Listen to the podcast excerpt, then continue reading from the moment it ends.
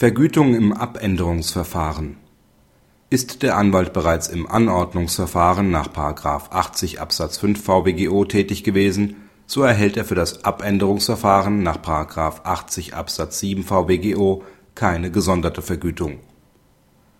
In einem Anordnungsverfahren nach § 80 Absatz 5 VWGO war der Antragsteller unterlegen und hatte die Kosten des Verfahrens zu tragen. Im späteren Abänderungsverfahren nach § 80 Absatz 7 VWGO war er dagegen erfolgreich. Die Kosten des Abänderungsverfahrens wurden dem Gegner auferlegt.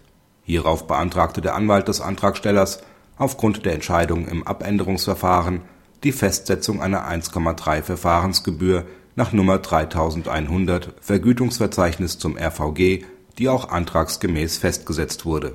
Die hiergegen erhobene Erinnerung hatte Erfolg.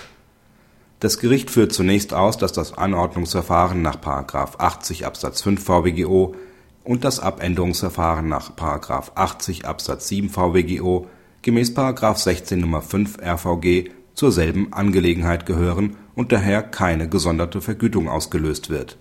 Da der Anwalt des Antragstellers seine Vergütung bereits im Anordnungsverfahren verdient hat, kann er dieselbe Vergütung nicht nochmals im Abänderungsverfahren verlangen. Folglich geht die Kostenentscheidung des Abänderungsverfahrens ins Leere, so dass aufgrund dieser Kostenentscheidung keine Vergütung mehr festgesetzt werden kann. Kritik Die Entscheidung ist unzutreffend.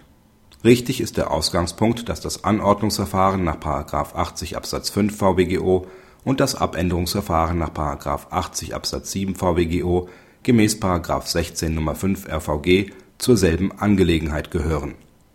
Das Gericht übersieht jedoch, dass die Gebühren sowohl im Anordnungs als auch im Abänderungsverfahren jeweils gesondert ausgelöst werden.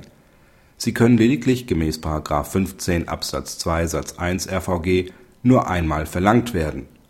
Ergehen wie hier hinsichtlich derselben Angelegenheit entgegengesetzte Kostenentscheidungen dann kann sich jede Partei auf die ihr günstige Kostenentscheidung berufen und insoweit die Festsetzung ihrer Kosten verlangen. Solche Fälle kommen vor, wenn mehrere prozessuale Verfahren gebührenrechtlich zu einer Angelegenheit zusammengefasst werden. Dies gilt zum Beispiel in Zivilsachen für einstweilige Verfügungen und Aufhebungs bzw. Abänderungsverfahren. Auch hier handelt es sich gebührenrechtlich um eine Angelegenheit, in der der Anwalt seine Vergütung nur einmal berechnen kann es ist jedoch auch hier anerkannt, dass sich jede Partei bei unterschiedlichen Kostenentscheidungen für Anordnungs und Aufhebungsverfahren auf die ihr günstige Kostenentscheidung berufen und entsprechende Festsetzung beantragen kann. Die ursprüngliche Festsetzung war daher zutreffend.